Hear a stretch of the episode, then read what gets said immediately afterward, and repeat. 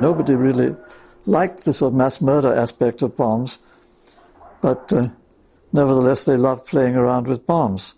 So this was a way of having your cake and eating it too, that uh, you could play around with bombs and still not be killing people, but exploring the, the universe.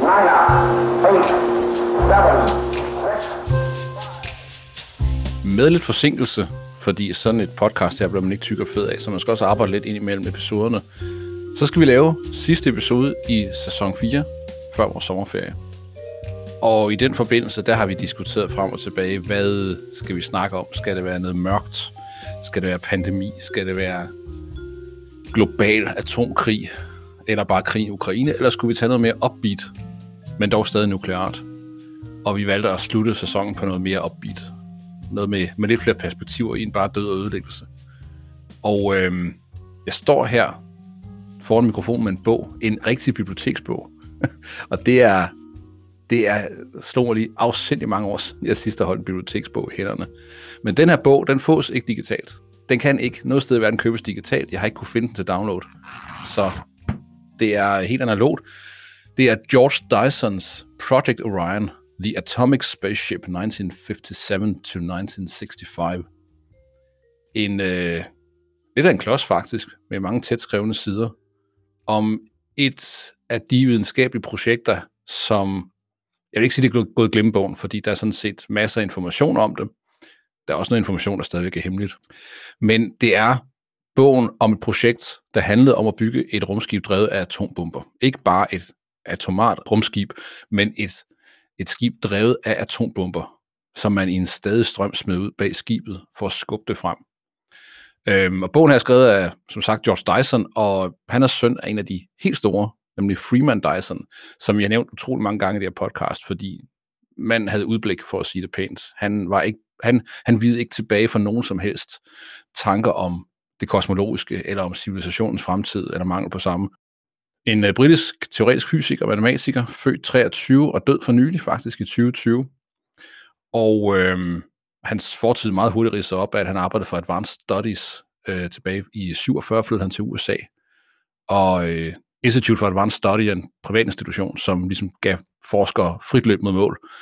Øhm, og det, det tiltrak sig folk som Albert Einstein og Kurt Gödel, Oppenheimer, Neumann og andre af de store KF'er.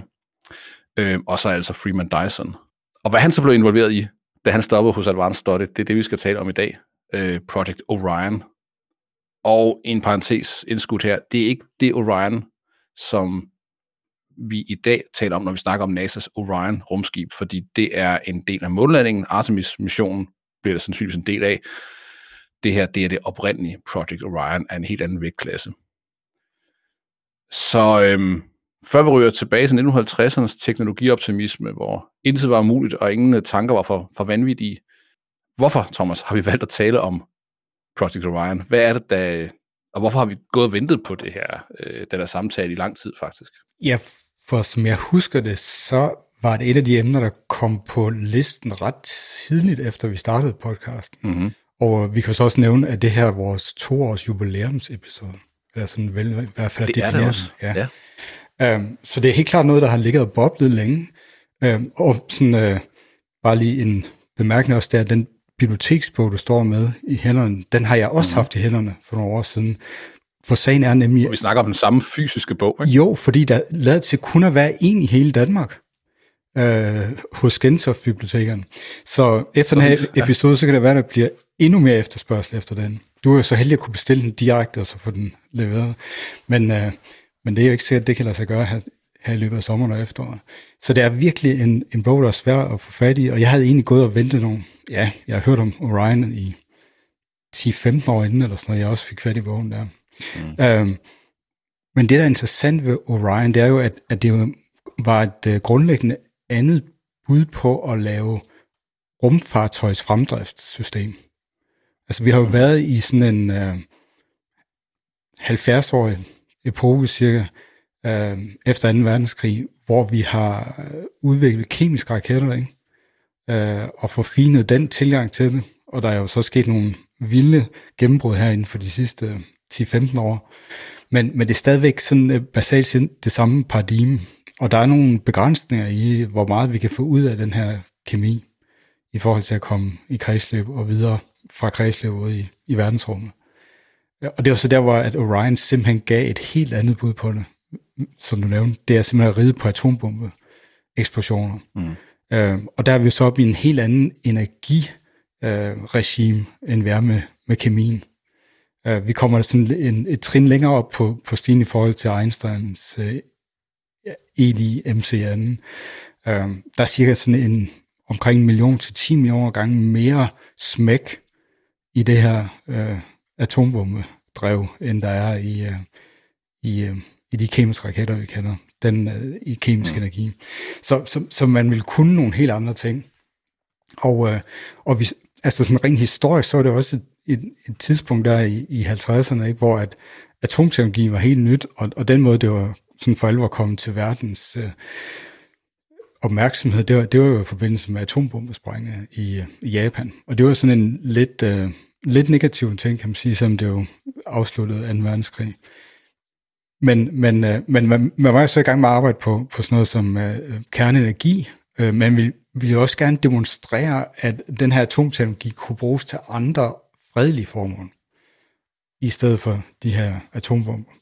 Og det her var så, kan man sige, et af de øh, projekter, øh, som, øh, som så brugte atomvåben, men på en fredelig måde, hvis det var blevet til noget. Mm.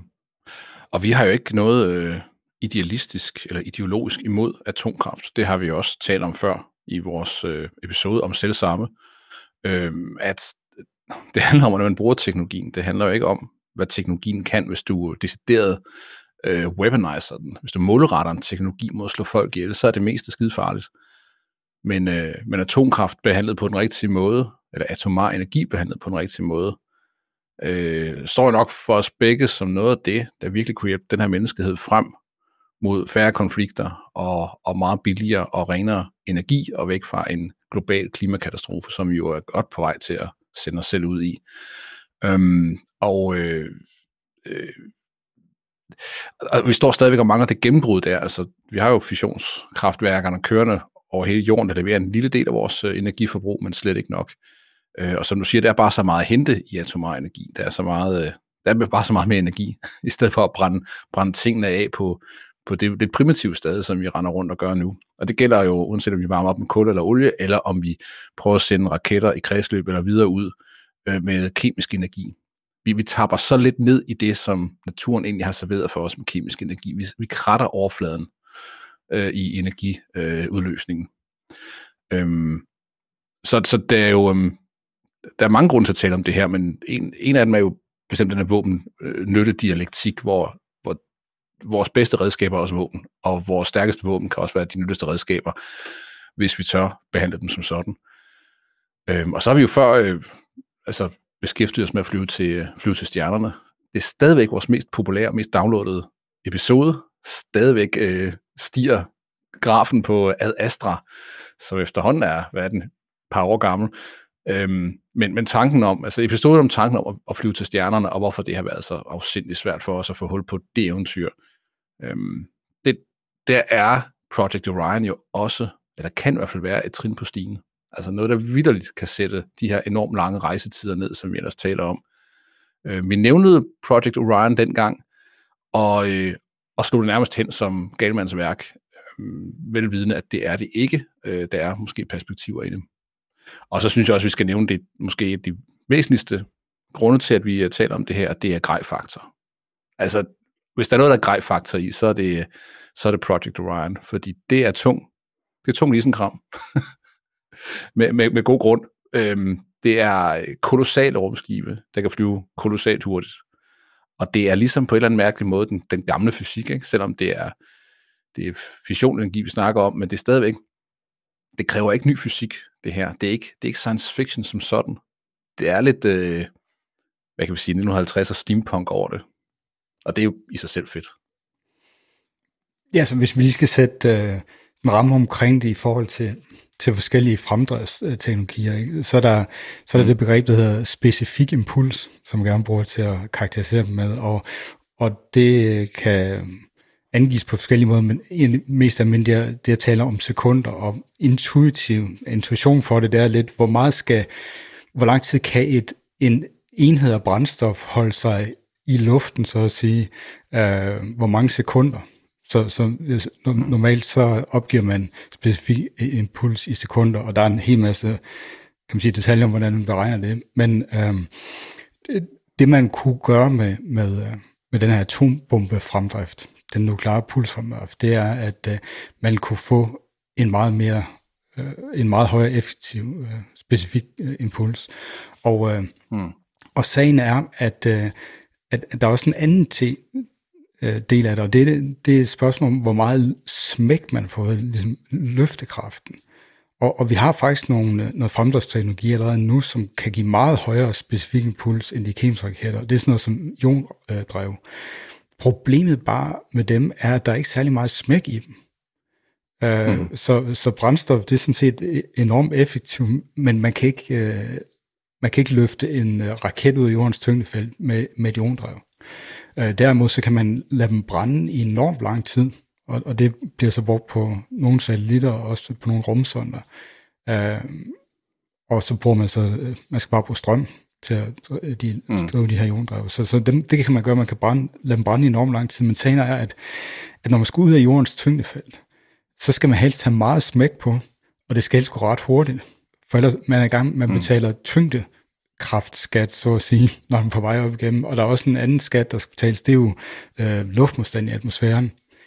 Og det er så der, hvor at Orion simpelthen kan noget, som er øh, i en anden kvadrant, kan man sige, end, end, end det vi har nu.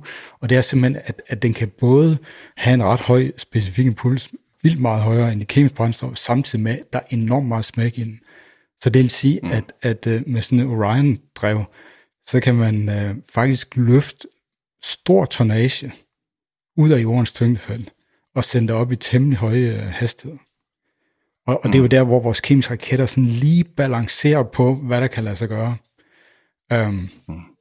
Og man kan sige, der er også en anden teknisk detalje, som, som uh, vi kan lægge ud med her, og det er, at uh, vi talte jo i Ad Astra om sådan et øh, kontinuerligt øh, drev, øh, nukleart drev, hvor man nærmest har lige på grænsen til en atomeksplosion kørende i et flow uden en reaktor. Men, men øh, problemet med nogle af de ting, det er, at øh, især en rumskib også, hvor mere klassisk, hvor man bruger en reaktor til at, og, og øh, varme en eller anden reaktionsmasse op, og så skyde dem bagud, det er, at man skal bruge materialer, der kan klare høj nok temperatur til, at man kan få nok energi ud af reaktionen. Og, og det kan mm. vi, vi kan simpelthen ikke, vi har ikke materialer, hvor hvis man skal, man skal containe noget, altså man skal indeslutte noget i et eller andet rørsystem og sådan noget, for at, at udnytte energien, så kan vi simpelthen ikke få temperaturen højt op, fordi så begynder lortet at smelte. Uh, mm. uh, og også uh, meget af det her, det er ret korrosivt. Altså det, det, det betyder, at det sådan nedbryder materialer ret hurtigt, og så er der så stråling oveni, som så også er med til at, at nedbryde materialerne. Så, så det der med at have noget, der minder om vores øh, nuværende kemiske raketter, den type raketmotor, hvor der kommer reaktionsmasse bagud igennem et eller andet float rørsystem, det er simpelthen svært. Fordi så bliver vi nødt til at mm. køre de her selv nukleare reaktioner ved et, på et niveau, hvor vi simpelthen ikke får alt det smæk ud af dem, som vi kunne få. Uh, mm. Og det er så der, hvor Ryan simpelthen tager en, en radikal anden approach og siger, jamen, hvad med i stedet for at uh, kaste atombomber ud af en luge bag og så detonere dem en for en, og så ride på chokbølgen, på den plasma, der bliver, der, der bliver skudt for de atombomber. Øh, og det gør så, at man fjerner hele det her problematik omkring, øh, omkring øh, at skulle indeslutte sådan en atomreaktion. Mm. Og det er jo, det er også det, jeg startede med at sige, at det lyder jo lidt som Galmans værk i, øh, i nutidig kontekst 2022, hvor vi har fået at vide, at øh, alt, der bare hedder noget med A, det er noget værre lort, og det må vi ikke engang tale om, det er et tabu nærmest. Øhm, men vi er i en anden tid her. Vi, øh, vi er tilbage i 1950'erne. Og jeg tror, for at man ligesom kan sætte pris på, på tankerne, og, og, og faktisk også begynde at, at se det øh, overhovedet ikke urealistiske i de her tanker, så skal man ligesom sætte sig tilbage i 1950 mindset. Øhm, og øh, så, så lad os lige bruge 5-10 minutter på bare lige at kredse tilbage til, øh, til starten af den kolde krig, og hvordan ikke mindst USA øh, så ud og tænkte dengang. Ja, så når det handler om de her øh, atomare teknologier, så fik USA jo et forspring gennem øh, Manhattan-projektet. Og, og det kan man sige, den kæmpe øh, talentmasse, som man fik tiltrukket fra alle mulige andre lande også, blandt de allierede, øh, og folk, der var i eksil også, øh, på flugt fra, fra nazisterne. Ikke? Øh, og det ledte jo så til, øh, til atombomberne i, i, i 1945. Øh, og der var jo så, øh, kan man sige, et paradigme der engang også, øh, som kom ud af 2. verdenskrig, som handlede om strategisk bombardementer, og der havde man bombefly. Øh, men så kom der også øh, nogle tyskere over, Werner von Braun og hans folk, som, øh, som kunne noget med raketter. Og så fik man jo så de her idéer om at kombinere øh, mm. atombomber med raketteknologi, fordi så kunne man få interkontinentale ballistiske missiler. Og, øh, og det kan man, give man så i gang med at udvikle. Og det, der er så interessant, øh, det er jo, at amerikanerne på grund af deres forspring med, øh, med atombomberne, så er de i stand til at gøre dem temmelig små ret hurtigt. Eller i hvert fald relativt små hurtigt. Og der er en, en person, der var involveret i det, som også kommer til at spille en, en hovedrolle her i historien om Project Orion, nemlig Tad Taylor, som var øh, noget af en mester i at udvikle små atomvåben. Øhm, men det gjorde så, at amerikanerne, de øh, på grund af de små atomvåben, ikke havde behov for stor løftekraft til deres interkontinentale ballistiske missiler. Så, øh, så fordi man kører helt på grænsen, øh, kan man sige, af, hvad, hvad man kunne, så, så byggede man jo så, så små missiler som muligt. Øhm, men da Sovjetunionen så i 1957 opsendte øh, Sputnik, så stod amerikanerne så lidt med håret i postkassen, fordi deres raketter var egentlig lidt for små øh, til at sende ting i kredsløb omkring jorden. Og, øh, og, og der skulle så improvisere, så det blev der så gjort af sådan flere omgange. Og det endte jo så også med, at det var Werner von Braun og hans øh, folk, som øh, fik den første amerikanske satellit i kredsløb ved sådan at, at mashe nogle ting op. Men, øh, og den var så også, øh, det var jo væsentligt mindre, end det russerne de, øh, øh, var i stand til at opsende der, fordi de havde de her øh, tunge atombomber, og dermed de her større raketter. Så, så der var jo, altså der skete jo det i USA, at, at der var en bræt opvågning med Sputnik, der er 57. Og det er jo i den kontekst, som, øh, som vi også kan se Project Orion. Så der var øh, teknologioptimismen, der var hele atomteknologiudviklingen, som jo var gået med stormskridt, ikke? Øh, siden ja, bare nærmest slutningen af 30'erne, starten af 40'erne. Ikke? Altså i, i midten af 30'erne var man jo ikke engang sikker på, mm. at man kunne lave øh, fissionsenergi overhovedet. Det var, jeg tror, at øh, i, i, sådan udbredt i fysikreds, det var, at det kan nok ikke lige så gøre. Der er nogle få, der havde indset, det kan det sikkert, og så, så står vi jo så her øh, sådan 20 år efter, øh, og, og der, er, der er temmelig mange ting, der er lykkes. Og så får USA så den her øh, rette overvågning. Øh, og det er jo så der, at, at, at der er nogen, der tager fat i en uh, idé, som var, var fostret nogle år tidligere, uh, angiveligt af Stanislav Ulam, en polsk matematiker, der var med på Manhattan-projektet, og også med til at udvikle amerikanske atomvåben efter en verdenskrig. Det er hans navn, der indgår i Teller Ulam-designet for brændbomben, øh, som for øvrigt i principmærke stadigvæk er omgivet med en vis øh, hemmelighed. Det er ikke alle detaljer omkring det design, som uh, er offentliggjort. Det tror jeg, vi skal sætte pris på faktisk, at man passer lidt på de tegninger. Men um, Ulam, han, han havde, fik mange idéer, og en af dem, det var så også, at måske kunne man bruge øh, atombomber til, en, øh, til fremdrift for, for rumskib. Og det var så øh, øh, nok en 10 år inden, mm. altså hvor at, at, at der ikke var noget reelt øh, rumfart i gang endnu. Ja. Det, det, det er lidt bizarre, synes jeg, når man læser om tiden her øh, og, og USA på det tidspunkt, det er, at man havde set, hvad bomben kunne. Man havde, man havde set, hvor horrible ødelæggelser, øh, og, og hvor, hvor det, det er et, et, et, en masse ødelæggelsesvåben af den anden verden, som man ikke nogensinde havde set med ind til. Øh, det var man sådan set godt klar over. og på den anden side, så var der også sådan en, fornemmer jeg, en underlig optimisme omkring det. Måske man tænkte, når jeg et, det var meget langt væk, man havde brugt de bomber her, øhm, og det var ikke amerikanere, der var døde af den. Øhm, og så havde man også en stor tiltro til den civile brug af atomkraft. Øh, vi har før nævnt øh, Isaac Asimov. Øh, han skrev sin, de noveller, der blev til Foundation-trilogien i øh, starten af 50'erne. Øh, I 1950 tror jeg faktisk, at de første blev udgivet. Og, øh, og, og, og det bærende, den bærende teknologi gennem det, det er, øh, det er fissionskraft. Det er atomkraft, men miniature downsized. Ikke? Øhm, så han forudser downsizing, han teknologi, og han forudser, at, at atomkraft kunne bruges til civil brug. Øhm, men han forudså ikke, at det ville i hvert fald i lang tid blive omgået med, øhm, med en måske overdreven respekt. Så, så det, det, er, det var bare en, altså Ford øh, prøvede decideret at bygge en atomdrevet bil. Øh, det havde man en idé om. Og, øh, og øh, General Dynamics øh, lavede en hel afdeling, der hed General Atomic, som senere blev til det, vi i dag kender som General Atomics, øh, simpelthen for at blandt andet forske i, hvordan man kunne bruge atomkraft øh, til at gøre nytte øh, i civil brug.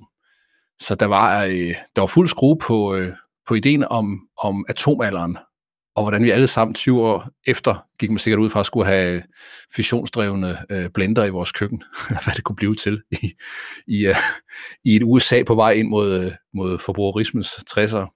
Ja, og det var så netop General Atomic, hvor så ideen om Project Orion kom fra. Uh, der kom så lige et, et lille personligt indskud her, det var, at for nogle år siden, der var jeg til, uh, til symposium på University mm. of California, San Diego, som ligger jeg højre i, i nord for sådan downtown San Diego. Og uh, lidt nord for universitets campus, der er så et, uh, et andet campus, og det er netop General Atomic Campus. Og øh, der kendte jeg jo godt til øh, Project Orion, så på en morgenløbetur, så løb jeg derop, men jeg nåede selvfølgelig til, til anden portvagten. Øhm, um, hvor man kunne ikke bare sådan lige komme ind og se den atriumgård, som er altså super fed, i hvert fald på billederne også fra, fra 50'erne, fra, fra George Dysons bog også. Altså det, man skal forestille sig sådan en, øh, en rund bygning, og så inde i midten, så er der en, øh, et bibliotek i to etager, som, øh, som George Dyson, han, og han var jo dreng dengang, han var sådan en 5-7 år gammel og sådan noget, han erindrede det jo som, at han faktisk troede, at det var der, de var i gang med at bygge sådan et Orion rumskib allerede, at, at den bygning simpelthen var rumskib, fordi så øh, teknologioptimistisk og øh, 50'er øh, fed ser den simpelthen ud. Øh, så, så det var også, æstetikken er, var helt rigtig også hos General Atomic i, for, i forhold til det, man, man ville. Mm. De fik jo så solgt den her idé ind til, uh, til ARPA uh, om, uh, om at lave det her projekt med uh, nuklear pulsfremdrift. Ja, ARPA, som i dag hedder DARPA, og som forsker i altså, militær teknologi, øh, typisk nogle år frem i tiden. Om det er så robotteknologi eller øh, øh, internetbaseret teknologi. Det var jo ligesom fra ARPA, at internettet udsprang i sin tid. Øhm, et, et, et, et, et foretagende finansieret af Forsvarsministeriet, så vidt jeg ved. Men på trods af det var der nok vant til det skotter nok i hvert fald til, at man betragtede General Dynamics som en 100% civil foretagende. Øhm, General Dynamics er jo, findes jo også i dag og laver kampvogne og øh, andet godt. Det er en våbenproducent af de helt store. Jeg tror, det er den verdens femte største våbenproducent. Øhm, og dengang tilbage i 50'erne havde man så, lavede man så den her afdeling, General Atomic, og satte en mand, der hed Frederick D. Hoffman, til at lede det. Øh, en meget fremsynet øh, mand, der ikke hvilede på laverbærene. Øhm, og det, jeg mener, det var i 58, da Freeman Dyson blev ansat, øh, og den lille George Dyson så det her, øh, hvad han troede var fundamentet til et kæmpe rumskib, der var på 400 meter diameter eller sådan noget. Øhm, øh, det var i 58, at General Atomic blev, blev udskilt i sit, egen, sit eget datterselskab, stadigvæk under ledelse af, af Hoffman, og øh, med, med nogle store budgetter. Øh, jeg kender ikke beløbene på den, men det svarer lidt til det, man måske ser i dag i Silicon Valley, hvor hvor man investerer i nogle gigantiske dot-com-foretagender, øh, der skal kigge langt frem på AI-banen for at finde øh, de investeringsobjekter, som er interessant om 10-15 år måske. Og de har nok haft lige så meget fart på, tror jeg. Altså, man, man hyrede jo simpelthen ind. Man ansat øh, øh, lynhurtigt Taylor og, og, og, og Dyson øh, ansat en 50 fysikere af, af de helt tunge, og matematikere og andre forskere, for bare lige at, at kickstarte det her øh, Project Orion. Så det har været velfinansieret, og man har virkelig troet på det. Historien går, at øh, da Freeman Dyson første gang blev præsenteret for projektet og forsøgte at overtale til at komme med ombord, øh, der lavede han lige nogle beregninger i hovedet, for lige at se, om det kunne hænge sammen. Som man jo gør. Og øh, ja, som man gør, og det gjorde han angiveligt på stedet, og så, ja, det kan, det kan fungere det her, og så, så var han med. Øh, jeg synes, der er, der er nemlig noget interessant der, ikke, som, øh, som måske ikke rigtig findes længere, og altså Dyson var sådan et eksempel på, altså at han kunne lave de der øh, sådan rigtige fysiske beregninger i hovedet. Øh, fordi vi skal også tænke på det, det her var jo et tidspunkt, inden man for alvor havde stor computerkraft til at lave simulationer med. Mm. Så, så i dag, så, så, vil, øh, så er der måske øh, langt mere være gået simulering i, hvor at, at det, som virkelig var behov for dengang, det var, det var folk, der sad og, og, øh, og løste de her differentiallinjer, og nærmest, altså angiveligt Dyson, han kunne sådan sidde og skrive dem sådan i, i uh, linje efter linje, uden at rette i noget. Uh, der er sådan eksempler på nogle af hans noter, hvor han simpelthen havde en evne til at uh, konceptualisere og udtrykke de her problemer uh, matematisk, som så kunne beregnes. Den teoretiske fysiks Mozart. Måske, Der er ikke ja. en rettelse. Men jeg tror, nu, nu siger du, at, at dengang var der måske noget med, jeg, jeg tror, man skal nok ikke bruge Dyson som ligesom målestokken for, hvad fysikere kunne. Altså, han var jo, altså nu har vi sagt, helt, helt store. Altså, Dyson var jo også manden, da, da han øh, faldt i snak med Feynman, og, øh, øh og så hans øh, modeller for, øh, for partikelinteraktion, altså Feynman-diagrammerne, så satte han sig ned og forbedrede den. han indså, at det ikke bare var en, en øh, fin måde at visualisere på, og måske udføre nogle beregninger på, men at det faktisk nok var et rigtig godt billede på, hvordan virkelighedens kvantemekanik fungerede. Øh, og så udvidede han modellen sådan, øh, til det, den er i dag. Så, så han er jo spændt, han er, han er gået fra, fra kvantefysik øh, til altså, kosmologisk fysik, kan vi jo sige, øhm, øh, og så også hans øh, tanker om civilisation og, og, og kæmpe store dynamiske systemer, altså et, et, et virkeligt øh, øh, renaissance-menneske på mange måder. Og øh, efter sine også, altså ikke nødvendigvis en super god øh, familiefar. Øh, kære lille George, øh, som øh, har skrevet bogen om projektet, måske også i et forsøg på, kunne man bilde sig ind, hvis man blev lidt psykologisk, lommepsykologisk omkring det, at forstå sin, sin far, ikke? Øh, og som har skrevet Project Orion-bogen her, som jeg sidder med, han, øh, han var jo simpelthen væk på et tidspunkt. Han flyttede, han boede helt seriøst i en, en træhytte i tre år i øh, British Columbia, 30 meter op i et træ, øh, måske for at finde sig selv. Og så sejlede han kajak, det var han vild med, og, og havde ikke meget kontakt med, med Freeman i en del år, og, øh, og er så blevet øh, videnskabshistoriker siden, og har brugt det fag til at dykke ned i, i farens fortid, for at måske forstå, hvad der skete ind i knolden på det her afsindigt kloge, øh, men måske også lidt firkantet menneske, har man på fornemmelsen. Ja, det kan også lige tilføjes, at uh, Freeman Dyson jo ikke uh, havde nogen Ph.D.-grad. Han havde en bachelorgrad. Ja, men han troede ikke på det Ph.D.-pis der. Ja, altså når man, når man ryger direkte ind i, på Institute for Advanced Study med en bachelorgrad, så har måske ikke så meget behov for at, at, at, at søge så mange flere grader.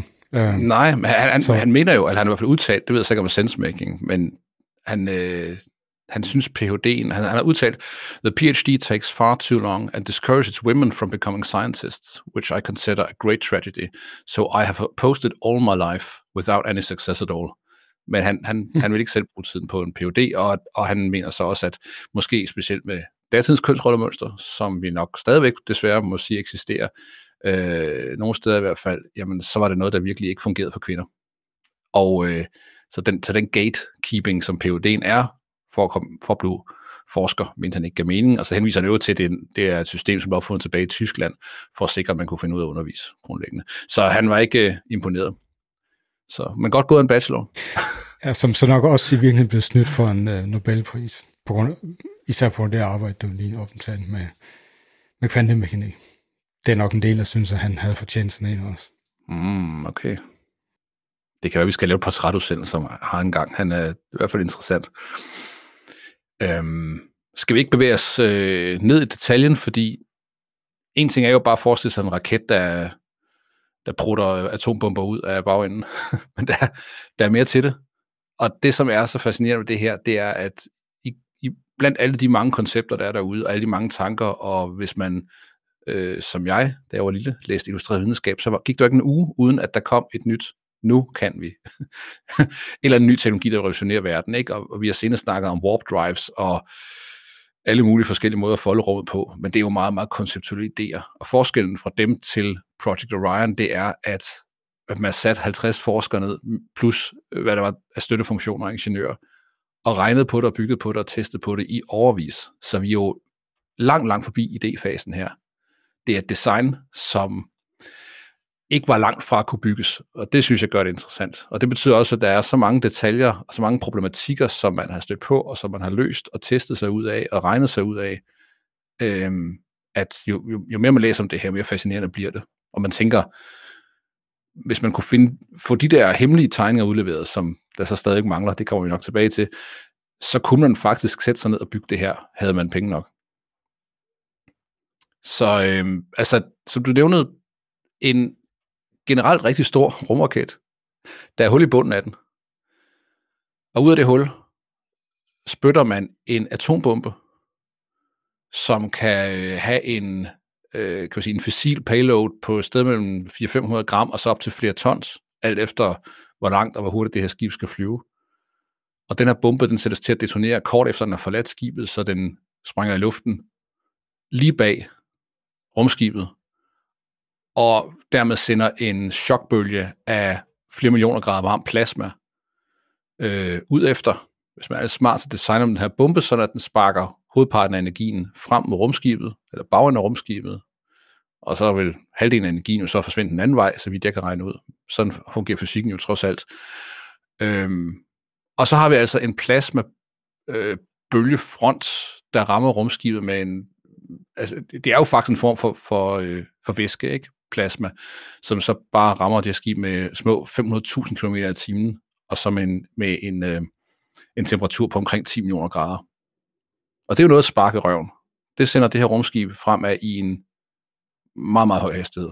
Ja, og det er så øh, en interessant øh, designudfordring, som, øh, som faktisk gør, at, at man skal nærmest gøre det stik modsatte af, hvad vi har været vant til med vores øh, rumfartøjer baseret på, på kemisk fremdrift, øh, hvor det handler om at file hvert eneste gram af, mm. altså fordi øh, raketligningen er så ubundhørlig, øh, og man bliver sendt ind i de her dårlige cykler, så at jamen, hvis vi tilføjer et gram nyttelast, så skal vi også have noget mere brændstof, og når vi tilføjer mere brændstof, så skal vi have mere tank, og tank, den vejer mere, og så skal vi have lidt mere brændstof for at løfte den tank. Ikke? Og det er derfor, at der er så lidt tilbage af, af nyttelasten, når man først enden når i kredsløb, eller når til månen. Øh, på grund af, af den energi, der bliver udløst, som nævnte, den chokbølge, som skal absorberes, det moment, som skal optages, øh, så bliver man nødt til at, at bygge nogle enormt tunge rumfartøjer. Altså meget tungere, mm. end det vi er vant til.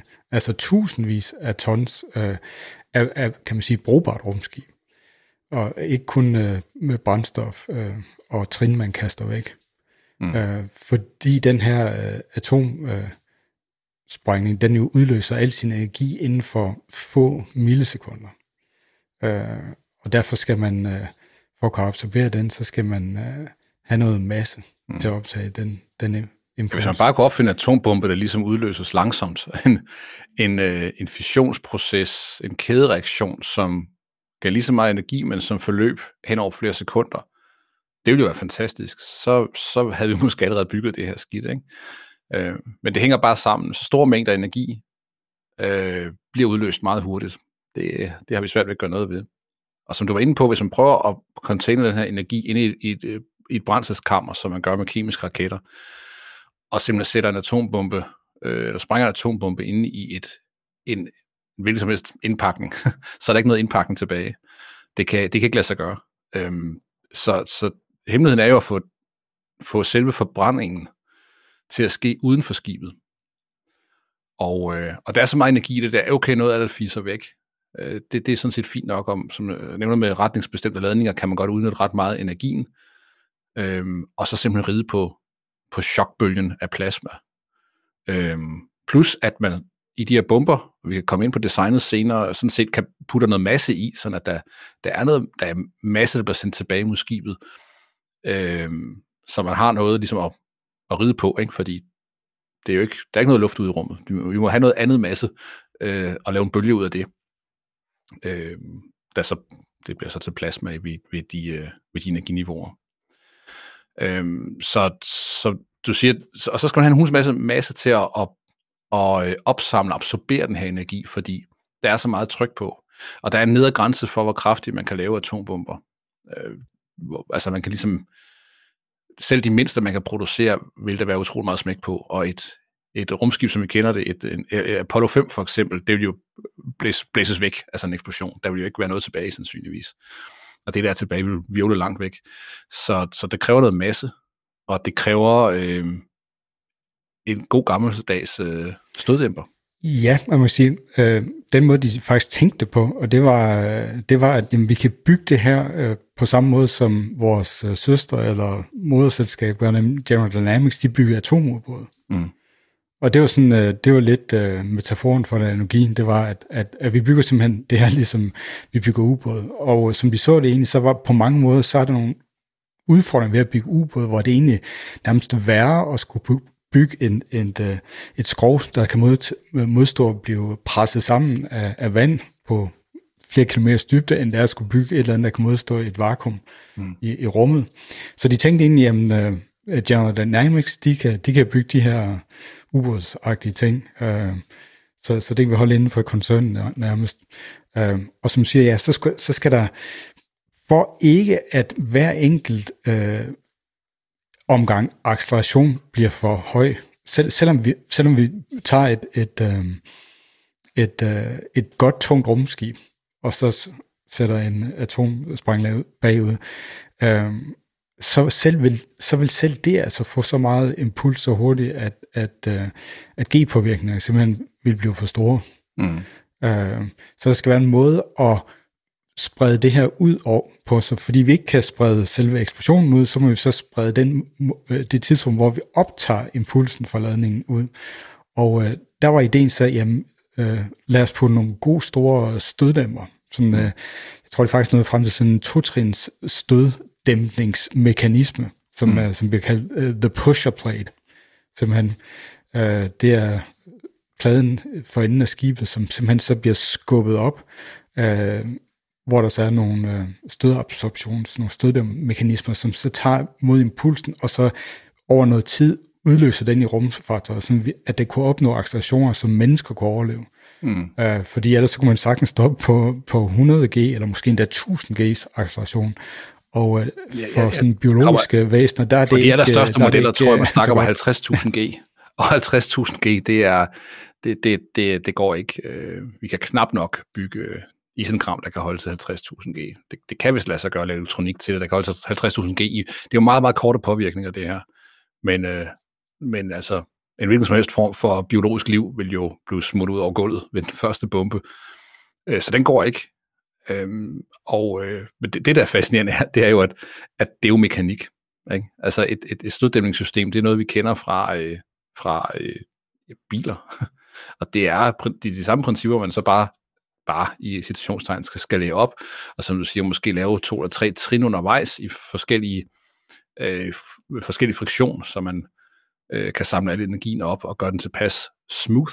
Man skal cirka forvandle de her mange tusind G til omkring 1 G, øh, sagde Freeman Dyson, det er i hvert fald et citat på, øh, altså 1G, det vil være acceptabelt, og, øh, øh, og jeg vil næsten tro, hvis man smører den her acceleration ud, tilpas meget ud til, at du har 1G, eller cirka 10 meter i sekundet anden, jamen så har man en kontinuerlig 1G's acceleration.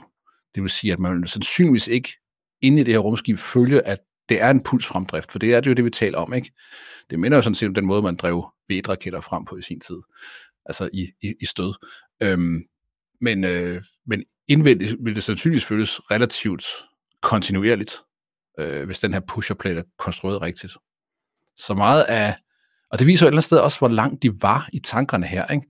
at man var for længst forbi det teoretiske. Man, man arbejdede på at lave øh, rendyrket ingeniørkunst for at sikre, at den her pusherplate, den kunne holde til de her mange, mange meget alvorlige stød, den fik, eller ville få, øh, overføre den korrekt, ikke vride sig ud af form, og, øh, og så i øvrigt være lavet den af tilpas meget materiale, og så et materiale, der kunne holde til at, at være nabo til øh, flere tusind øh, atomsprængninger på klodshold.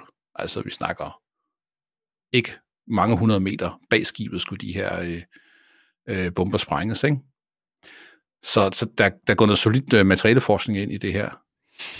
Ja, nu siger det, ja, tusind, det var en, estimatet beregning var jo, at der, der skulle nok sådan en, en 800 til, til 1000 øh, bomber til, for at, øh, at komme i kredsløb. Mm. Øh, så, så vi er oppe i, vi er oppe i den størrelsesorden. Ja, det kan man regne ud, fordi 10 meter i sekundet per bombe. Ikke? Så er det bare gang op, indtil du er oppe på, på, øh, på over øh. Og så øh, øh, i forhold til en vægt, du så har med, ikke? og så, øh, så kan du vel komme i kredsløb på den måde. Så alt efter skibets størrelse, og alt efter hvor store bomberne var, 800-1000 atombomber for at komme i kredsløb. Og hvis man har sådan et billede på det, så er det jo en eller anden form for en øh, klorificeret øh, kængurustylde, det her. Altså, ja. det minder det lidt om. Og det bliver larmer, også kaldt larmer lidt pokerstick. Den larmer lidt mere. Den bliver også kaldt pot-pot. put, put, put deroppe. Jeg tror, det, det er nogle gigantiske pots. Øh, øh, Dyson beskriver det selv som, at det vil være noget af et spectacle. Det vil have været voldsomt imponerende at se en opsendelse. Fordi i modsætning til, når du bruger det princip i rummet, hvor du faktisk ikke vil se så meget, øh, det, det vil forsvinde i ren og ganske usynlig stråling, øh, så i atmosfæren, hvor du ligesom flytter en del, en del luft undervejs, der vil det være øh, altså et kontinuerligt brag af den anden verden, øh, som nok ikke engang kan sammenlignes med bare... Du har jo op, op, øh, oplevet en, en øh, kemisk raket blive sendt op, ikke? Øh, en SpaceX øh, Falcon, så vidt jeg husker. Og der var vist gang i den, men jeg tror slet ikke, det kan sammenlignes med, hvordan et, en, et nyt stort øh, Orion-skib øh, vil larme. Nej, selvom det faktisk var en Falcon Heavy, det var tre øh, det var en Heavy? Falcon oh, 9 cores. Ikke? Ja, nu er jeg endnu mere misundelig. Øh, ja, nej, det her, det, det, vil være, det vil være vildere. Ingen tvivl om det. Øh, så det kunne godt være, at vi skulle snakke lidt om, om de bomber, inden vi går over i, hvad, hvad man egentlig fik bygget rent konkret.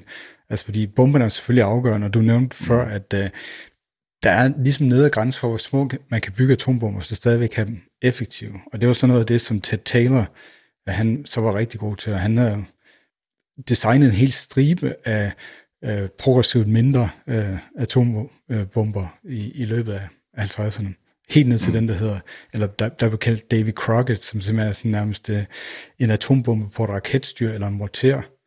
Uh, jeg vil nok ikke have lyst til at være dem, der skulle, uh, skulle bruge den i, i felten.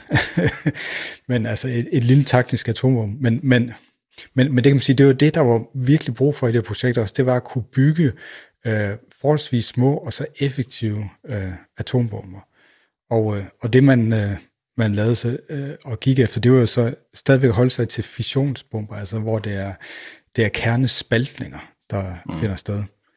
Øh, men så en særlig form for øh, atombomber, og det er så, øh, viser det sig, øh, nok sådan de fleste atombomber i de forskellige arsenaler nok er i dag, og det er det, man kalder fusionsboostede øh, atombomber. Og det var faktisk sjovt, eller interessant i hvert fald lige at tjekke op på, hvad det er, og det er egentlig, at man man tilføjer lidt øh, fusionsbrændstof øh, i form af øh, radioaktiv... Øh, Bare en knivspids deuterium. Øh, øh, ja, tritium. Øh, tritium, øh, simpelthen. Ja, okay, hydrogen. Brint, ja. Øh, øh, isotop. Øh, og, øh, og det, det, det gør, det er, der går faktisk lidt fusion i gang, men, men det er ikke for at få fusionsenergi ud af det. Det bidrager kun cirka med 1% til den samlede ladning, men, men, øh, men det er simpelthen for at få genereret nogle flere neutroner, øh, og så få udnyttet de neutroner, der bliver genereret af, af, af den primære øh, spaltning bedre. Mm-hmm. Fordi det, der jo sker, når man sætter i gang sådan en bombe, øh, og den, øh, den, den går i kritisk uh, mode, der er en opnået kritikalitet, det er jo, at uh, så begynder lort at bevæge sig fra hinanden igen. Uh, så, så det, man kan med fusionsboosting, det er faktisk lige at sørge for at få, få lidt ekstra smæk på, på neutronerne, som faktisk kan udnytte det fissilt brændstof bedre. Så man får kædereaktion til at løbe hurtigere, simpelthen? Ja, mere effektivt. Ind, ja. Inden, det, inden at, at delene altså, øh, af bomben bliver, bliver spredt fra hinanden. Ja. Øh, og vi, vi er jo nede på, på øh, altså mikrosekunder, nanosekunder, nogle af mm. de her øh, ting. Og, og det er jo så interessant nok, hvis vi lige skal lave en sløjf til George Dyson og en af hans andre bøger, så har han jo skrevet en bog, der hedder øh, Turings Katedral, mm. Øh, som handler om udviklingen af, af de første computer i USA, øh, især efter 2. verdenskrig, og også især for Neumann spiller en, en hovedrolle der. Og noget af det, man især udviklede dem for, det var for at kunne simulere de første få øh, nanosekunder, mikrosekunder i, i atombombesprængninger. Uh, så der, der er sådan en, en sløjfe der også.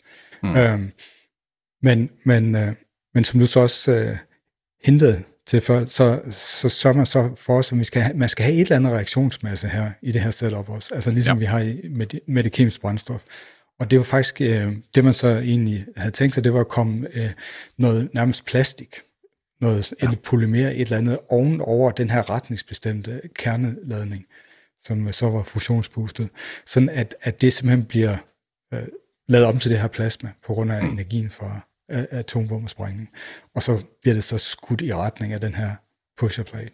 Mm. Af mange gode grunde, så er designet jo øh, stadigvæk øh, hemmeligholdt, fordi man har, altså, der skulle laves mange bomber, altså som sagt, hvis du skulle bruge 800-1000 bomber bare for at komme i kredsløb, og hvis du så skulle have noget smæk på, for eksempel til at flyve til Mars, så skulle du nok bruge i hvert fald 1000 mere, før du ligesom kunne slukke for motoren, og så, øh, og så coaste med, ja, altså hvis, hvis det var et af de store skibe, op til 1% af lysets hastighed, øh, fordi du, øh, der, er, der er så meget energi at give af.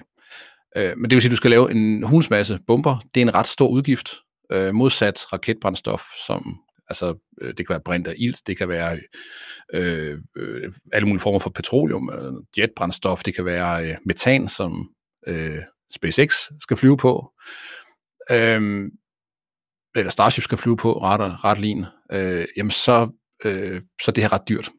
altså, raketbrændstof betyder faktisk ikke meget i, i udgifterne for, for kemiske raketter.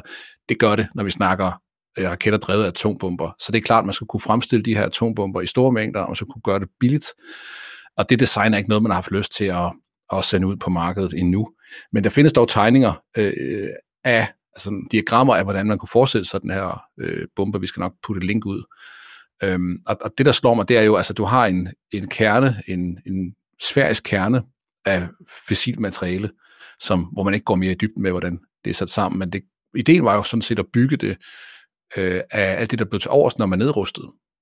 Fordi vi var jo tilbage i, øh, hvor nedrustningen sådan begyndte at tage fart, og, vi, og, og de forskere, der stod bag det her, gik måske også rundt med lidt dårlig samvittighed over at være med til at opfinde øh, både den øh, altså fissionsbomben, og så, øh, og så også bygge på, øh, på øh, øh, fusionsbomben, på brintbomben. Altså Taylor var jo decideret med til at, at lave øh, Mike som den første bombe, øh, man testede i USA hed, ikke? Og øh, så hvis de nu kunne forestille sig, at man kunne bruge alt det her fossile materiale på en mere fornuftig måde, så vi snakker nok om, øh, at de kunne bygges af plutonium, eller de kunne bygges af uran-235. Øh, så det er selve, det er the nuclear device, en, en øh, sfærisk form i midten, og så ligesom op efter, den ende, der peger op mod rumskibet, når den her dåseformede ting bliver sendt ud, øh, den har jo sjov nok form, som vi kender det fra en øh, raketdyse. Og så, som du siger, så er den fyldt op med polyethylen eller et andet stof. Det kunne også være, man, man tænker sig på at bruge nogle salte, der kunne opsuge øh, neutroner for at mindske øh, det uheldige nedfald, når de her bomber blev brugt i atmosfæren. Så i hvert fald den type, der skal bruges til at få skibet op gennem atmosfæren, vil man så fylde op med neutronabsorberende materiale, øh, der kunne hindre nedfald. Eller i hvert fald størstedelen af nedfaldet. Øh, og, øh, og ligesom det øverste låg, øh, øh, vil man så lave i sandsynligvis noget ekstra tungt materiale, fordi jo tungere det materiale er, jo mere skub vil du få på øh, skibet, jo flere atomer vil du simpelthen kunne lave til plasma. Øh, fordi stråling i sig selv er jo, ja, energirigt og vil også kunne skubbe skibet noget, men det gør ikke noget, at der har noget masse, der bliver til plasma, så du simpelthen har nogle, nogle tunge øh, atomkerner at smide tilbage mod skibet. Og resten er sådan noget elektronik sandsynligvis, og en, en snedig mekanisk løsning, der sørger for, at den her bombe udløses på et rigtigt tidspunkt, i en rigtig afstand af skibet, at du ikke har en fuser, fordi det er noget lort, øh, hvis du prøver at få en kontrolleret acceleration. Og øh, det skulle være stabilt nok til, at du kunne sende to til fire af de her bomber ud bag skibet i sekundet. Og det er mange. så, så det er en, en, en mekanisme, der skal kunne noget, og du skal være ret sikker på, at de her bomber, de øh, spiller. Et af de designs, jeg har set skitseret, der samles bomben og, og triggeren, kan man sige, øh, øh, lunden, groft sagt, øh, samles i sidste øjeblik øh, på vej ud af skibet, så du ikke har en hel masse sprængklare atombomber liggende på skibet. Øh, men man, ligesom, man, man tænder for bomben, man armerer bomben i aller sidste øjeblik, før den rører ud. Og det er sådan en mekanisme, der så gør to til fire gange i sekundet. Og der kan vi så også nævne, at, at, at der er jo lige den detalje, at måden man får sat gang i en atombombe på, det er jo ved at bruge noget konventionelt sprængstof det er det. til at, at komprimere en, en, en, også en sådan ret hemmeligholdt geometri af dele ind imod hinanden, meget, meget præcist, så man opnår den her kvalitet på en rigtig måde. Og, øh, og der kan så være det problem med, med fuser, jo at øh, hvis ikke selve atomreaktionen øh, går i gang, den nukleare reaktion, så står man i stedet for med sprængstumper, mm. altså metalstumper, som så kunne blive sendt op mod, øh, mod pusherpladen. Så det, det kigger man jo også på, fordi sådan en, øh, en fuser, der er ikke kun et problem, fordi man mister acceleration, men det er også et problem, fordi den faktisk bliver til sprængstykker i stedet for til plasma. Ja, sprængstoffer ja, blandet med et øh, plutoniumstøv, hvad der sådan set ikke gør det store, hvis vi er uden for atmosfæren, men under opsendelsen øh, vil man nok helst undgå at blæse, lad os sige, et halvt til et helt kilo plutoniumstøv ud øh, ved en fuser. Den går, den går ikke. Øhm, så, øh, men, men igen, man var langt fremme i designprocessen her, fordi de ting prøvede man at adressere. Man, øh, man regnede på det, man, man, man byggede sine prototyper, og, øh, og vidste selvfølgelig godt, altså det, det kan godt være, man er teknologioptimistisk, og optimistisk på, på ideen om at bruge øh, nuklear teknologi. Man var ikke idiot, vel? Øh, man vidste jo udmærket godt, at, at forurening for eksempel og, og unødig stråling skulle begrænses i videns mulig omfang, for at man kunne tale om en, om en værdifuld øh, opfindelse. Ja, så var der det med, med, med selve bombedesign, som nåede frem til, at det der er vildt hemmeligholdt stadigvæk, og det var jo, at man nåede frem til at lave en type atombomber, der var relativt små, temmelig effektive og havde relativt meget konventionelt sprængstof i forhold til det fissilmateriale. Og, og lige præcis den kombination af, af relativt meget konventionelt og relativt mindre fissilmateriale, det er jo lige guf for øh, slyngelstater og måske øh, terrororganisationer. Mm. Fordi det, det er meget lettere at få fat i konventionelt sprængstof, og så lidt fissilmateriale end omvendt, som er, kan man sige, det, som, som øh, de store mm nationalstater, de, de har været i stand til. Det, der så taler imod, det, der taler imod terrorister skal bruge det her design, det er så, at det er så rent, det design. Men øh, øh, så vidt jeg kunne læse mig frem til, så øh, havde man et design, der var 95% effektivt øh, hvad der er rigtig, rigtig flot. Og jo, jo mere effektivt et, et atombombedesign er, jo mindre materialer der er tilbage. Og, øh, og med, med nutidens teknologi kunne man gøre det her måske over 98% effektivt. Og, øh, og det er rigtigt nok, der er meget sprængkraft per kilo bombe, men jeg vil næsten sige, hvis, altså i forhold til, hvor nemt det bliver for terrorister at, at, at bare samle store mængder konventionelt øh, sprængstof, så ved jeg faktisk ikke, om det er super interessant at tage risikoen for at få, få fat i en meget, meget ren atombombe, som næsten ikke øh, vil sprede noget stråling. Fordi øh, det, er jo, det er jo de her dirty bombs, der er mere interessante, hvis du virkelig vil begå terror, ikke? Tænker jeg. Jeg har, ikke prøvet, jeg har ikke prøvet at sætte mig ind i terroristernes mindset, men det er min umiddelbare tanke. Når det er sagt, så er jeg glad for, at man ikke kan låne opskriften på der bombe nede i biblioteket. Øhm, men der er faktisk en anekdote, vi lige skal huske at nævne den her idé om at sende tusinder af øh, dåseformede ting ud af en åbning i, øh, i en mekanisme som et rumskib, øh, var også et af de øh, problemer, der skulle løses.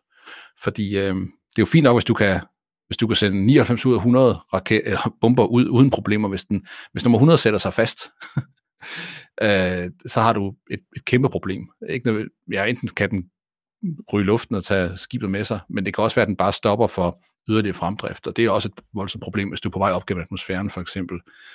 Øhm, så man ringede til nogle eksperter, der var gode til at håndtere en hundes masse emballage i en hundes fart. Og det var nemlig The Coca-Cola Company. Præcis. Fantastisk fantasifuldt at sige, hvem, hvem øh, på det tidspunkt, altså det man kiggede på, det var selvfølgelig øh, fyldemekanismer. Coca-Cola-fabrikker, som kunne fylde flasker i en hunds hastighed, og sætte kapsler på dem og få dem videre systemet, stort set uden at gå i stå nogensinde. De ingeniører ville man gerne tale med. Så man ringede jo bare til dem og sagde, har I lyst til at kigge forbi for at snakke om at, at bygge en dispenser, der så kan skyde, skyde atombomber ud i samme hastighed, som vi kan håndtere flasker. Det er nok der, hvor i dag så øh, har produktionsteknologi udviklet sig øh, så meget, og øh, også robotteknologi, at hele den håndtering af, øh, af bomberne, øh, i forhold til at få smidt dem bagud i den rette øh, hastighed, det, det tror jeg, det kunne gøres endnu bedre. Altså rent styringsmæssigt også kan vi jo helt andre ting altså mm. med computerkraften. Så, så, så der var helt, tror jeg helt klart øh, nogle, nogle muligheder for nogle potentielle øh, forbedringer der. Ja, fordi de her skibe var jo tænkt mekanisk. Der var ikke, øh, hvad jeg kunne læse mig frem til, snakker man ikke om computerstyring af, altså jo, der har været nogle navigationssystemer, som der nok skal være på et rumskib, øhm, der jo skulle kobles til den her pusher plate, fordi hvis du ville styre skibet, så kunne du så kunne du jo via din støddæmper ligesom vinkle pusher plate, og så kunne du få energien lidt skævt ind på den, og på den måde kunne du styre skibet. Øhm, men, men resten var, som beskrevet, øh, et eller andet sted meget gammeldags øh, øh, gears and levers, altså sådan et steampunk-agtigt øh, design i tung stål, fordi vægt var nærmest bare det gode. Øh, tandhjul og, og kæder og den slags. Det er lige noget for Jules Verne. Ja, hvis jeg husker korrekt, så, så er det vist nærmest sådan, at Ted Taylor, han, øh, han, han ville drille. Øh, den var i gang med at bygge øh, kemisk baserede rumfartøjer ved, ved simpelthen at have store øh, øh, træpaneler på, på væggene og, og store, kæmpe, tunge skrivebord og sådan noget. Så altså, i det her mere ubådsagtige noget, så altså tæpper på, på gulvet. Og så, øh, så, så ja, steampunk, det er nok ikke helt ved siden af. Men ak, det er jo ikke sådan, vi fiser til Mars i, uh, i Project Orion, Orion rumskibe i dag. Øhm, det, det fik jo nærmest en, et brættere slutning, end det startede, ikke? Ja, og, og der var nok flere øh, faktorer, der spillede ind. Øh, der var øh, noget med udviklingen af amerikanske rumfartsprogram, hvor at øh, NASA blev stiftet i, i 1958.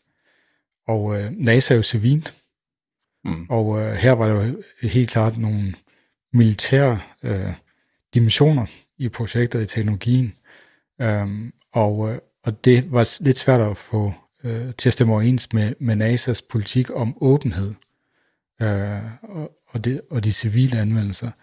Øh, en lille historie der også, det var, at øh, sidste gang, og det var faktisk da jeg så Falcon Heavy-opsendelsen, jeg var på The Cape, var jeg også lige forbi The Apollo Saturn Center. Jeg skulle lige se det igen. Øh, og så var der en, øh, en gammel ingeniør, som øh, sad på sin stol, og var ligesom en, man kunne hen og snakke om, og han havde simpelthen været med øh, på, øh, også på Apollo-programmet, og have stået for, for ting omkring øh, tredje trinet på Saturn 5, men han var faktisk kommet til NASA tidligere i, øh, i starten af 60'erne. Der var noget, der hed Thor-missilet, som NASA ja. faktisk øh, købte nogle af, øh, og også brugt øh, til, at, til at opsende øh, satellitter med. Og, og han sagde så, at, at der var sådan en helt bevidst øh, kultur i NASA, og en helt bevidst måde at, at kan man sige, massere øh, diskursen på. Når de her folk, som, kom, som ham kom fra, jeg mener, det var Boeing, og kom fra, fra, fra Mission Row sikkert i, øh, i, i LA, så, så talte de om missiler, og det man simpelthen ikke høre tale om i NASA. Han sagde, at, at de fik at vide til møder, hvis de kom til at sige missiler, så fik de at vide, at, at, øh, at, at det, var, det var ikke det, man kaldte det her. så der, hos NASA, der er det et launch vehicle. Launch vehicle. Så det var, man, det var man meget bevidst om, det med, at, at, at vi, er, vi er det civile rumfartsagentur. Det har også været super sundt og et kæmpe øh, altså meget, meget vigtigt, tror jeg, fordi man vil jo virkelig gerne frabriste øh, militæret den her teknologi, øh, og man havde brug for på det tidspunkt at få det ind under, under en styring, som også kunne fonde det. Så jeg tror, det har været en sund diskurs at, at, at sige, at der er måder at bruge raketter på, som ikke handler om at slå mennesker ihjel. Vi skal huske, at de første opsendelser i kredsløb af astronauter skete på spidsen af, hvad der var bygget til at være atommissiler. Øhm, det, det var det, man havde. Ikke? Og, øh, og de første egentlige brugbare raketter, de blev altså bygget af Hitler og, og herr Braun øh, til at slå, slå mennesker ihjel med. Så, så det der med øh, aktivt at gå ind og sige, nu annekterer det civile samfund den her teknologi, fordi vi mener faktisk, det er det gode. Det, øh, det må vi tage hatten af for, synes jeg. Det har alligevel været noget af et skridt. Ja, så, så der var, kan man sige, udfordringen med at få NASA til at tage det til sig, fordi der var sådan set øh, øh, tanker om, at man måske endda kunne bruge øh, Project Orion-teknologien i, i forbindelse med månelanding. Men, men det, var ikke, øh, det var ikke det, NASA endte øh, med at satse på. Altså, som ved, øh, historien viste jo, at det blev, det blev Saturn 5 og Saturn-familien af, øh, af løfteraketter, som, øh, som mm. kom til at, at løse det problem. Um, og så ville DARPA jo heller ikke øh, finansiere det længere i, øh, i samme grad, som havde gjort. Så, så det kom simpelthen ja. ind under luftvåbnet. Øh, og, og så skete ja, der altså, ting. Øh, ARPA trak sig, øh, og jeg har faktisk ikke fundet ud af den egentlige grund, andet end det sandsynligvis var her dyrt det her, øh, eller at ARPA jo sidste ende også kiggede på mulighed for militær anvendelse af teknologien. Så i hvert fald så måtte, øh, da der ikke længere strømmede penge fra, øh, fra Washington til øh, General Atomics, skulle man finde et hjem til projektet, øh, og det blev luftvåbnet, som så muligheder. Øhm, øh, på, på mange måder, altså i, i sandsynligvis både, øh, jeg mener, jeg, altså, det var luftvåbnet, som jo stod for Strategic Air Command øh, dengang, og det vil sige tanken om at bygge store mængder øh, atomvåben til en billig penge, den teknologi var i sig selv interessant, og for de lidt mere visionære typer, så tanken om at bygge et gigantisk rumskib, hvor vægt ikke var et problem. Du kunne armere det, du kunne, du kunne skudsikre det med panserplader, ligesom, ligesom skibe i gamle dage. Ikke? Og så kunne du sende det i kredsløb, øh, bevæbnet med megatons efter megatons af øh, nukleare sprænghoveder, øh, laserkanoner, altså at, atomart drevet laserkanoner øh, var på tegnebrættet. Du kunne lave et verdens største slagskib, og det kunne du parkere hen over Kreml. Det kunne ligge der, og så kunne du øh, bare vente på, at det blev problemer, og så kunne du fuldstændig udradere Sovjet fra kredsløb. Så man, øh, man fik projektet ind under luftvåbnet, og øh, så fik øh, de kære mennesker, der indtil videre er bygget på en, tegnet på en civil udgave af et stjerneskib, der skulle bringe os ud i solsystemet. Ikke bare bringe os ud i solsystemet, men i parentes bemærket, Freeman Dyson og Taylor var den overbevisning, at de kunne bygge det her så hurtigt, at de selv kunne være en del af besætningen. Altså selv som de skulle være ombord på skibet. Øhm, George Dyson nævner, at han var lidt øh, ærgerlig over, at, øh, at Taylor havde sagt, at han godt ville tage sin søn med, men øh, øh Freeman fik aldrig sagt til George, at han også var velkommen. han lå skilsmisse på det tidspunkt. Det var ikke så kønt. Det var lidt dysfunktionelt, men det gjorde ondt på, på George. Nå, men så de var simpelthen drevet af tanken om, at de skulle besøge Saturn inden deres, øh, øh, i, i deres levetid et, altså et helt fantastisk perspektiv, når man tænker på, hvor, hvor langsomt rumfart går i vores dage. Øh, Luftvåbnet så andre muligheder, og de bad så om, at man byggede en prototype, og vi snakker om en prototype på størrelse med en amerikanerbil efter sine. Den, ingen ved, hvor den er. Den findes sikkert på et eller andet lager i Nevada ved siden af Parkens Ark, eller noget den stil. Men en drabeligt udseende genstand, og så inviterede man Kennedy forbi øh, til en kæmpe briefing, hvor han øh, fik at vide, hvor fantastisk det var, og nu kunne øh, USA jo altså bygge den her ting, der kunne tyrannisere hele verden. Og, øh, og Kennedy lå, det har været lige omkring Kuba-krisen det her, ikke? og det har været lige ved øh, atomforhandlingerne om den øh, delvise nedrustning. Og han har jo været skræmt for videre sans og tænkt, at det, det vil ikke gøre noget godt for sådan på geopolitisk plan, hvis vi med på den ene side siger, at vi gerne vil nedruste, og på den anden side begynder at sætte produktion i gang af tusindvis af små øh, taktiske atomvåben og bygge et, øh, et, et, et, et rum, en rumkrydser, en rumdestroyer simpelthen, der kan bruges til at fjerne hele landet fra jordens overflade med. Så der døde Project Orion hårdt. Øh, efter sine tog Kennedy hjem, sov lidt den nat, og stod op næste dag og slog projektet ihjel på alle mulige måder, han kunne. og det havde han jo så magt til. Altså, det dukkede først op på min radar, da vi for nogle år siden talte om den her bog fra 2002, mener den er, Project Orion og Josh Dyson, og, og stadigvæk er store dele af den her teknologi selvfølgelig hemmeligholdt.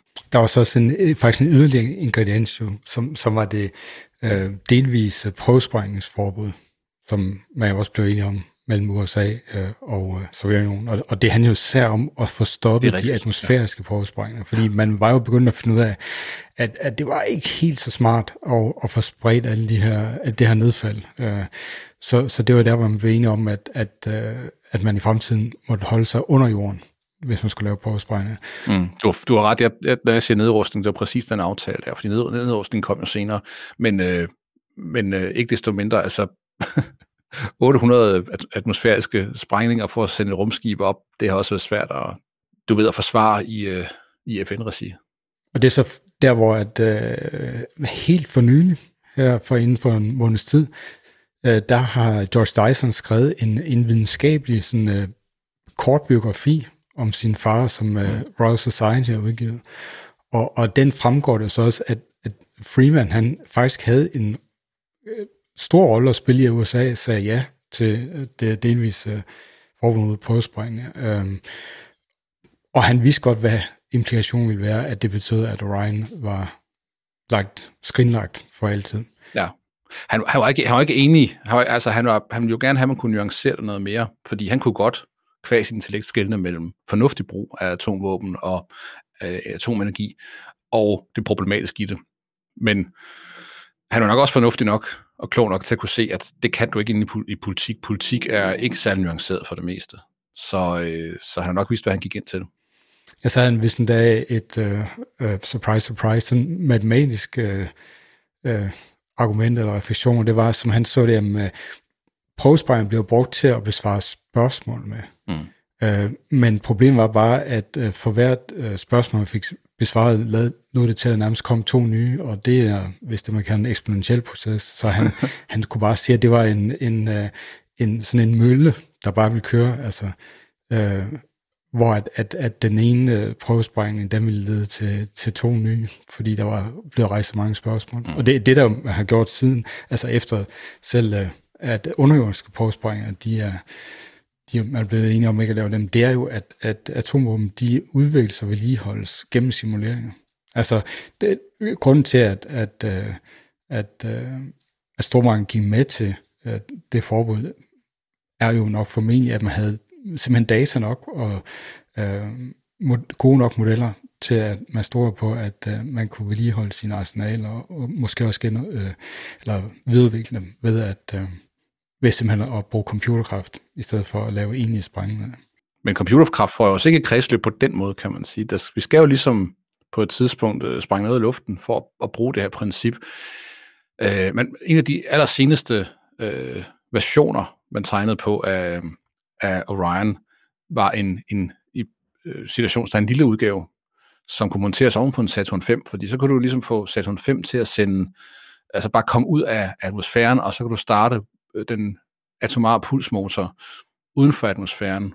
Og det kunne være, det kunne være en måde til ligesom at nå et kompromis, men jeg tror stadigvæk, i det klima, vi har i dag, det politiske klima, vi har i dag, er jeg ikke sikker på, at selv tanken om at flyve 1000 atombomber op i øh, uden for atmosfæren, og så begynde at droppe dem derude, vil gøre noget godt for, for øh, du ved, øh, stemningen. Øhm, så det, så det, lige nu er det geopolitik, der, øh, der holder det her, øh, du ved, uden for vores reach, øh, kombineret selvfølgelig med det, vi har berørt før, en lettere hysterisk øh, tilgang til atomenergi. Fordi hvis ikke staterne vil stoppe det her, så kan jeg love dig, at miljøorganisationer øh, vil. Øhm, så så der, der tror jeg meget, meget langt til, at teknologi kan anvendes. Desværre fordi, jeg synes, jo mere man læser om den, jo mere man sætter sig ind i det, jo, øh, jo mere lige til højre ben er det. Hvis vi, så, hvis vi mener det, det der med at komme ud mellem planeterne, øh, på en faktisk relativt billig måde, øh, og, øh, og, og komme ud og besøge også den, den ydre del af vores solsystem, så vil det være pt. den eneste måde, jeg kan se rent teknologisk, at det kan lade sig gøre. Mm, jeg tror, jeg kan måske godt det se endnu mere øh, moralsk dilemma nærmest, øh, at trække den tættere på. Altså, Freeman Dyson, han, øh, han lavede en teknisk rapport, som er en af dem, der ikke er blevet offentliggjort, og den handlede faktisk om et bud på, øh, hvor mange øh, fatale krafttilfælde vil, øh, der blev genereret per opsendelse. Og han nåede vist frem til et sted mellem 1 og 10, øh, og det var så også der, hvor han sagde til Tatjeka, at vi har brug for nogle renere bomber. Altså han vil gerne ned på, at det var en tiende del eller en hundrededel eller sådan noget mm. øh, krafttilfælde. Um, men men øh, det bliver så også, den, den rapport bliver nævnt i George Dysons øh, videnskabelige øh, biografi om sin far. Um, mm. Og, øh, og det interessante er jo der, at, og det har vi jo talt om før også, at, at vi jo faktisk frigør temmelig meget øh, radioaktivt materiale i atmosfæren ved at afbrænde fossile brændstoffer. Mm-hmm.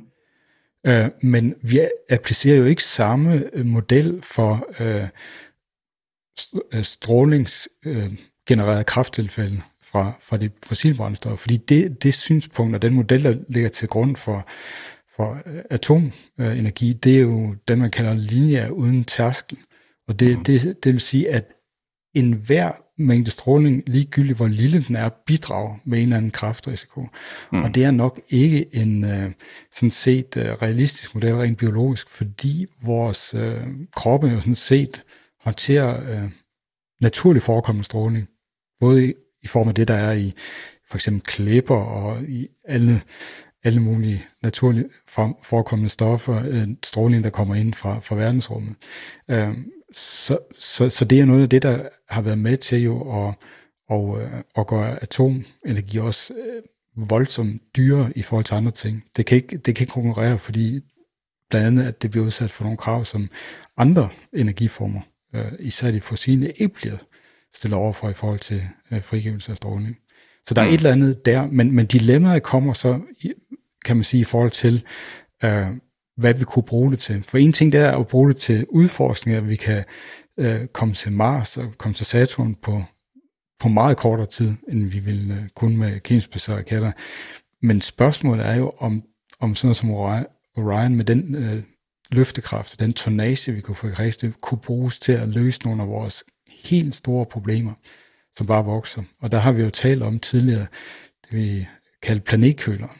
Altså muligheden for at lave en form for solar geoengineering, hvor vi simpelthen giver jorden øh, solbriller på, eller sætter parasoller op øh, i kredsløb. Eller mange, øh, mange små og, parasoller nærmere, ikke?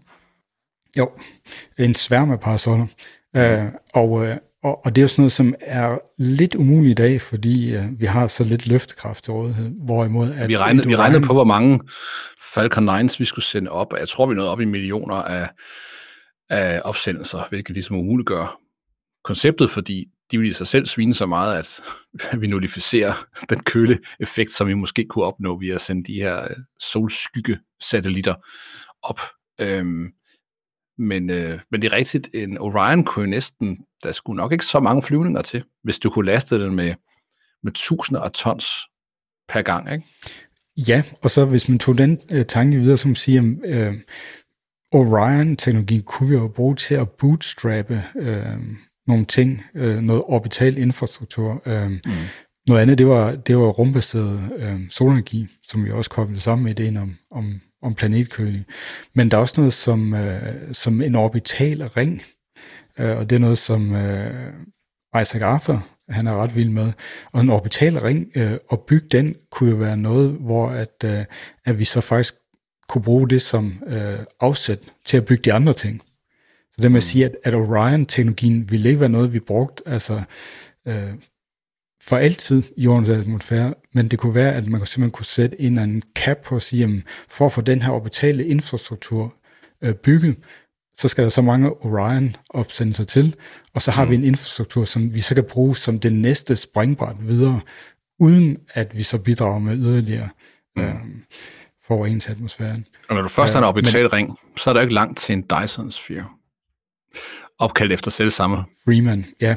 Men øh, selv samme Freeman. Øh, det, det er, jeg kan følge dig hele vejen, og det kræver jo den her objektiv form for rationel tænkning, altså at man som et samlet samfund på kloden kan sige, vi betaler en pris for at komme videre, fordi at det er en lille pris at betale for i det store hele at få gratis energi for eksempel, som kan øh, altså nærmest øh, fjerne alle konflikter fra jordens overflade, fordi langt de fleste konflikter i sidste ende handler om adgang til energi eller derivativer af energi. Øh, og det der jeg bliver lidt pessimistisk, fordi jeg synes ikke, at jeg ser de store tendenser til, at vi ligesom tænker rationelt som flok. Tværtimod vil jeg sige, at, at mennesker har det med at blive dummere, jo flere der samles af dem. Og øh, for at du siger det, vil jeg bare selv nævne pandemien som et eksempel på det, at der accepterer vi jo faktisk øh, horrible store dødsfald. Vi jo accepterer sygdom, øh, simpelthen for ikke at betale prisen for at gå noget ved det. Det hænger jo ikke sammen rationelt med, at vi øh, det er ganske hysterisk, hvis vi for eksempel taler om ovenikøbet en konservativ beregning, som jeg forstår det, måske et akkumuleret dødsfald per opsendelse af et stort rumskib, eller, eller endnu mindre med nutidig teknologi. Øh, jeg fandt faktisk en YouTuber, som har regnet lidt på det, og han øh, mener med moderne øh, bombeteknologi, der er ekstremt effektiv. Og hvis, hvis man kombinerer det med nogle af de øh, teknologier, som Dyson og hans folk selv nævnede i forbindelse med opsendelsen, det kan være at lægge en, skyde en søjle af damp op i den korridor, hvor skibet skal lette så vil øh, dampen absorbere øh, stråling og mulige reminiscenser fra de her bomber og samle det op. Eller man kan, som jeg også nævnede før, simpelthen tilsætte boren øh, salte til de enkelte bomber, som absorberer øh, den strålingsrest, der måtte være, og, og, og det skidt øh, og støv, der, der trods alt vil være i bomberne. Så man kan gøre rigtig meget. Nogle mener, at man kan faktisk komme ned på en, altså, hvad der svarer til nulforurening. Der er jo ikke noget CO2-problem øh, ved de her opsendelser. Der er ikke noget sodproblem, som der er ved selv relativt rene metanraketter, som SpaceX opererer med. Men, men, men altså, før vi overhovedet når til den nuancerede diskussion omkring tingene, og hvad vi kunne få for den pris, vi i så fald måtte betale i form af en lille bitte hævet øh, baggrundsstråling i, øh, i omkring opsendelsesrampen, som sandsynligvis vil være midt ude i øh, Stillehavet eller i Atlanterhavet, øhm, jamen så bliver det stoppet af panik og, og hysteri. jeg er bange for. Så optimistisk er jeg på menneskehedens vegne pt. Ja, altså jeg vil også sige, at, at jeg anser det ikke for voldsomt øh, sandsynligt, at øh, der bliver bygget Orion-koncept sådan inden for de næste 10-20 år. Vi har tidligere nævnt også et, en, kan man sige, nødsituation, hvor det kan være, at øh, det bliver taget ud af, af mølposen. Og det er jo simpelthen, at der er en asteroide eller øh, en komet eller lignende på vej mod jordens bane og på vej til at krydse jordens bane på et tidspunkt, hvor jorden er der, øh, så er øh, et Orion-koncept baseret rumskib, rumfartøj, det er nok vores bedste bud på at kunne have noget sammen hurtigt nok til at kunne øh, afværge sådan en, et indkommende mm. øh, himmellag og afbøde effekterne af det. Altså, det var, det var nok det, de skulle have bygget i, øh, i Don't Look Up. Det er, der er meget science fiction, der faktisk skulle have taget fat i Orion, i stedet for at finde på mystiske fremdriftsmetoder, eller omgå forklaring på, hvordan man flyver med de hastigheder og flyver så langt. Så ville et Orion-koncept have gjort fint fyldest. Øhm, og øh, så her på falderæbet, der kunne jeg godt tænke mig at smide lidt uh, fun facts. Vidste du, at øh, i 2001 af Space Odyssey, der var der faktisk meningen, at rumskibet Discovery skulle have været et Orion-koncept, fordi det var det, der gav fysisk bedst mening. Og Arthur C. Clarke, han kendte udmærket godt til konceptet. Han har, han, han har mødt Freeman Dyson flere gange og omtaler som den eneste egentlig geni, han nogensinde har støttet ind i.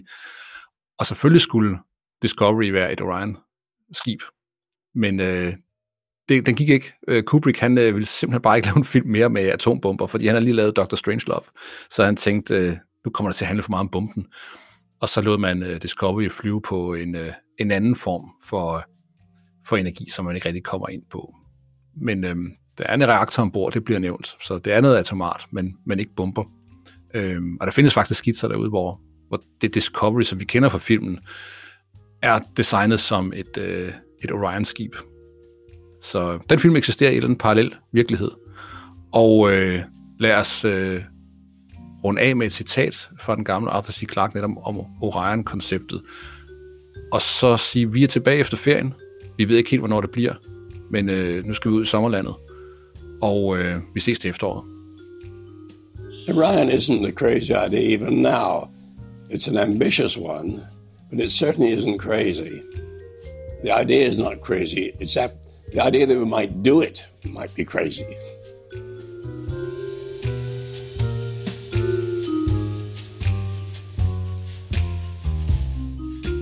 Og vi skal lige huske at sige, at vi har lånt lidt lyd fra en dokumentar, der hedder To Mars by A-Bomb, The Secret History of Project Orion. Den er fra BBC 2003, og vi linker selvfølgelig til den på Twitter.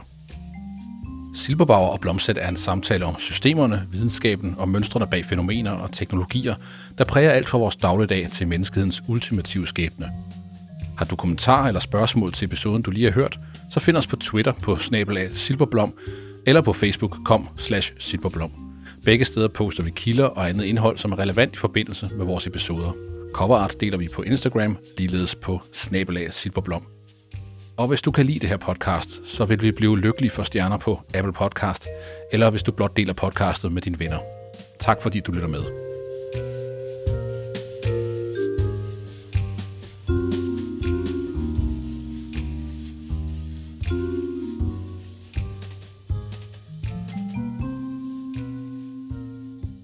We were going to launch from a barge at sea to get away from the neighbors.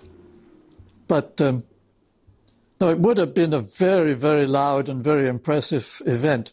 It would be, it would be going up from the surface of the ocean, bump, bump, bump, bump, bump, like that, going up, bigger explosion each time. Oh,